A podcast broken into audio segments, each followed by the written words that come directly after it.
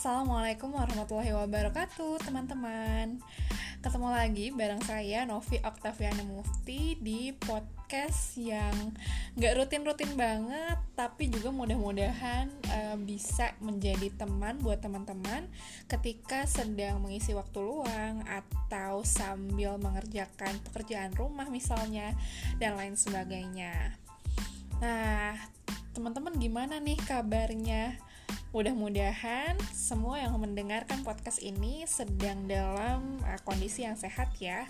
Setelah gelombang Omikron naik lagi dan juga uh, saya sempat kena sih saya dan keluarga itu bergantian sakit selama ya kurang lebih dua minggu lah ya. Dan itu lumayan loh kerasa bahwa wah ternyata uh, butuh banget istirahat dan juga memulihkan kondisi fisik gitu.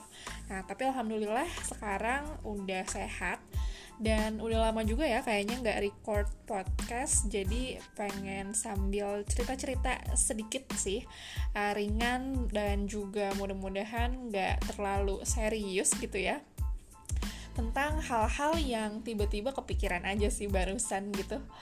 Dan uh, sebenarnya hal ini juga jadi insight karena pekan kemarin itu saya sempat ketemu sama salah seorang adik. Halo Sani, mudah-mudahan kamu dengerin ya podcast ini. Dan pada saat itu kami random ngobrol cerita tentang sesuatu yang rasanya menarik nih untuk dibahas di podcast, yaitu tentang things I wish I knew. sesuatu yang saya harap sudah saya ketahui di usia saya sebelumnya gitu so stay tune ya teman-teman Oke, okay, bismillahirrahmanirrahim. Seperti biasa, podcast ini akan sangat natural karena saya tanpa skrip, terus juga tanpa banyak edit gitu dan memanfaatkan waktu senggang yang ada untuk kemudian bisa cerita-cerita sama teman-teman. Jadi, um, ada nggak sih teman-teman yang saat ini mungkin sudah berada di usia-usia di atas 25 tahun gitu ya seperti saya yang kemudian tiba-tiba berpikir tentang wah uh, kalau saja saya tahu tentang hal ini nih di tahun-tahun sebelumnya. Entah itu yang berkaitan dengan value, prinsip atau hal-hal baik lainnya yang menyangkut kehidupan teman-teman. Pernah nggak? Kalau saya pernah banget dan ini kalau bagi saya pribadi cukup prinsipal karena berkaitan dengan uh, value ya, value yang saya punya. Jadi singkat cerita, waktu saya masih kuliah S1 itu uh, selama 4 tahun saya belajar psikologi dan saat itu tuh rasanya hidup saya tuh ambis banget. Dalam artian saya pengen dapat nilai yang bagus, pengen dapat beasiswa, pengen dapat banyak teman, punya networking di luar kampus dan lain sebagainya gitu. Dan uh, udah bisa ditebak mungkin ya untuk bisa mewujudkan hal tersebut saya jadi uh, belajar terus terus apa namanya sibuk banget untuk uh, ikutan organisasi baik itu di dalam maupun luar kampus dan lain sebagainya gitu dan memang uh, kalau teman-teman yang kenal saya dari dulu tuh kayak wah ambis banget nih gitu ya Nah sebetulnya nggak uh, ada sesuatu yang sama sekali salah semuanya gitu ya. Uh, terutama dalam hal yang saya lakukan di masa-masa S1 pada saat itu.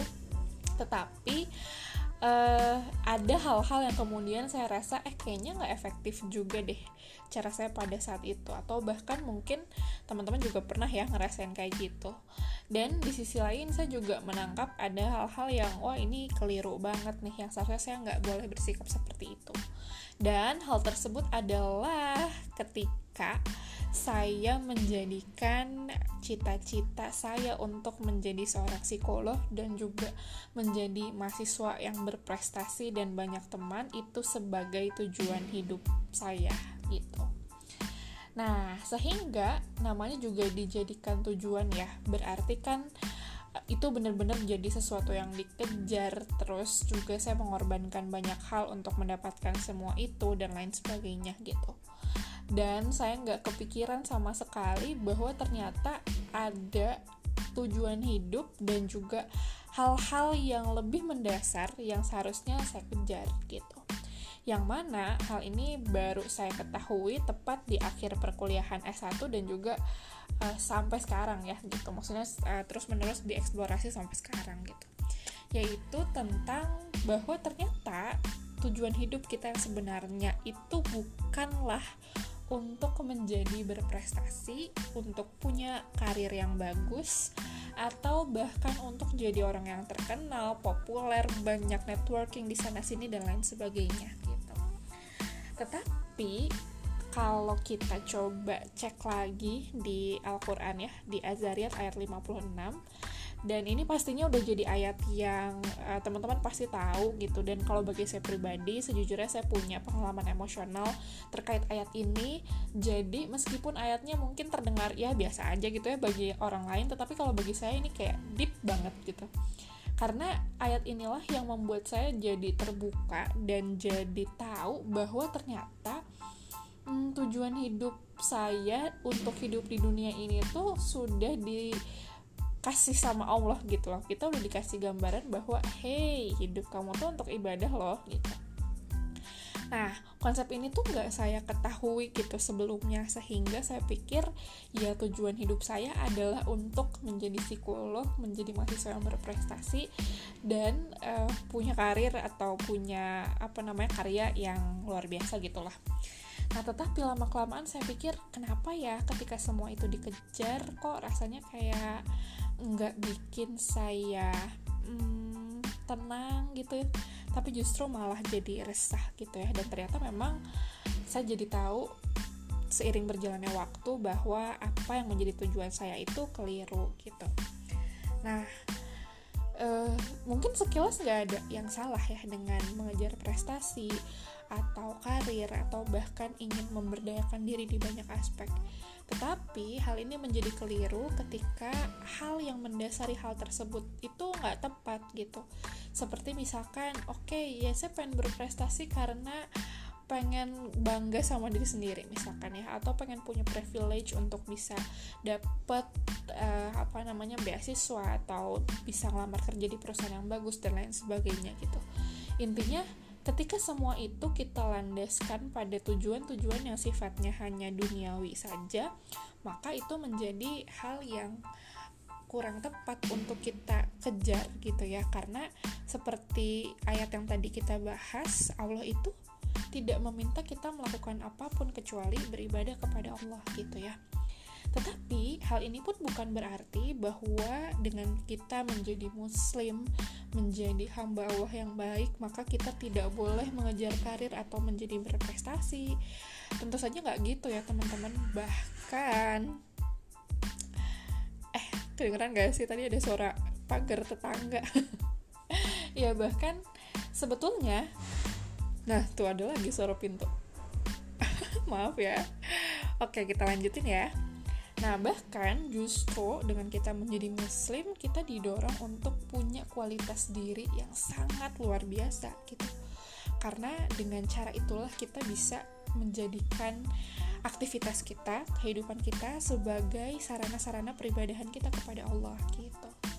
Nah, balik lagi, jadi uh, di usia saya sekarang, saya pernah gitu ya berandai-andai bahwa wah kalau saja saya tahu bahwa tujuan hidup saya yang sebenarnya itu adalah untuk beribadah kepada Allah gitu. Andai saja dulu saya tahu, saya paham tentang konsep ini, maka mungkin saya nggak akan jadi orang yang kayak lari capek banget maraton gitu ya terus udah gitu ketika udah capek banget minum air laut kebayang gak sih gimana ini ya rasanya tuh gimana gitu. Bukannya menghilangkan si hausnya tapi malah tambah terus kehausan kan.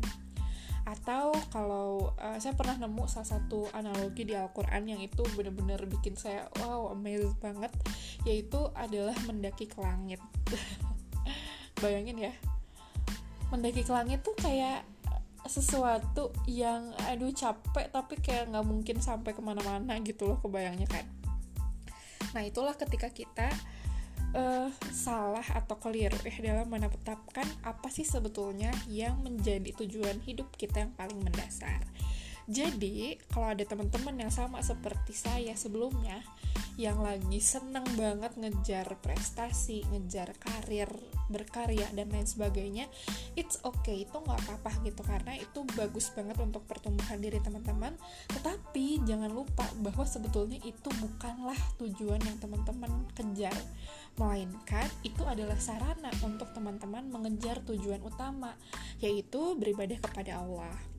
Nah, jadi highlightnya itu tadi gitu ya, bahwa kita perlu bijak untuk bisa membedakan sebetulnya yang mana sih yang merupakan tujuan dan yang mana yang merupakan jalan gitu. Kebayang ya, kalau misalkan kita menetapkan bahwa sesuatu itu adalah tujuan, maka berarti kita bisa melihat bahwa itu adalah misal ya sebuah hasil akhir dan lain sebagainya. Tetapi ketika kita memaknai bahwa itu adalah jalan, maka kita akan menggunakan itu sebagai sebuah sarana untuk mencapai tujuan kita. Contoh, ketika misalkan tadi ya kita ingin punya karya, prestasi dan karir yang baik. Lalu kita coba identifikasi nih kira-kira itu tujuan atau jalan sih?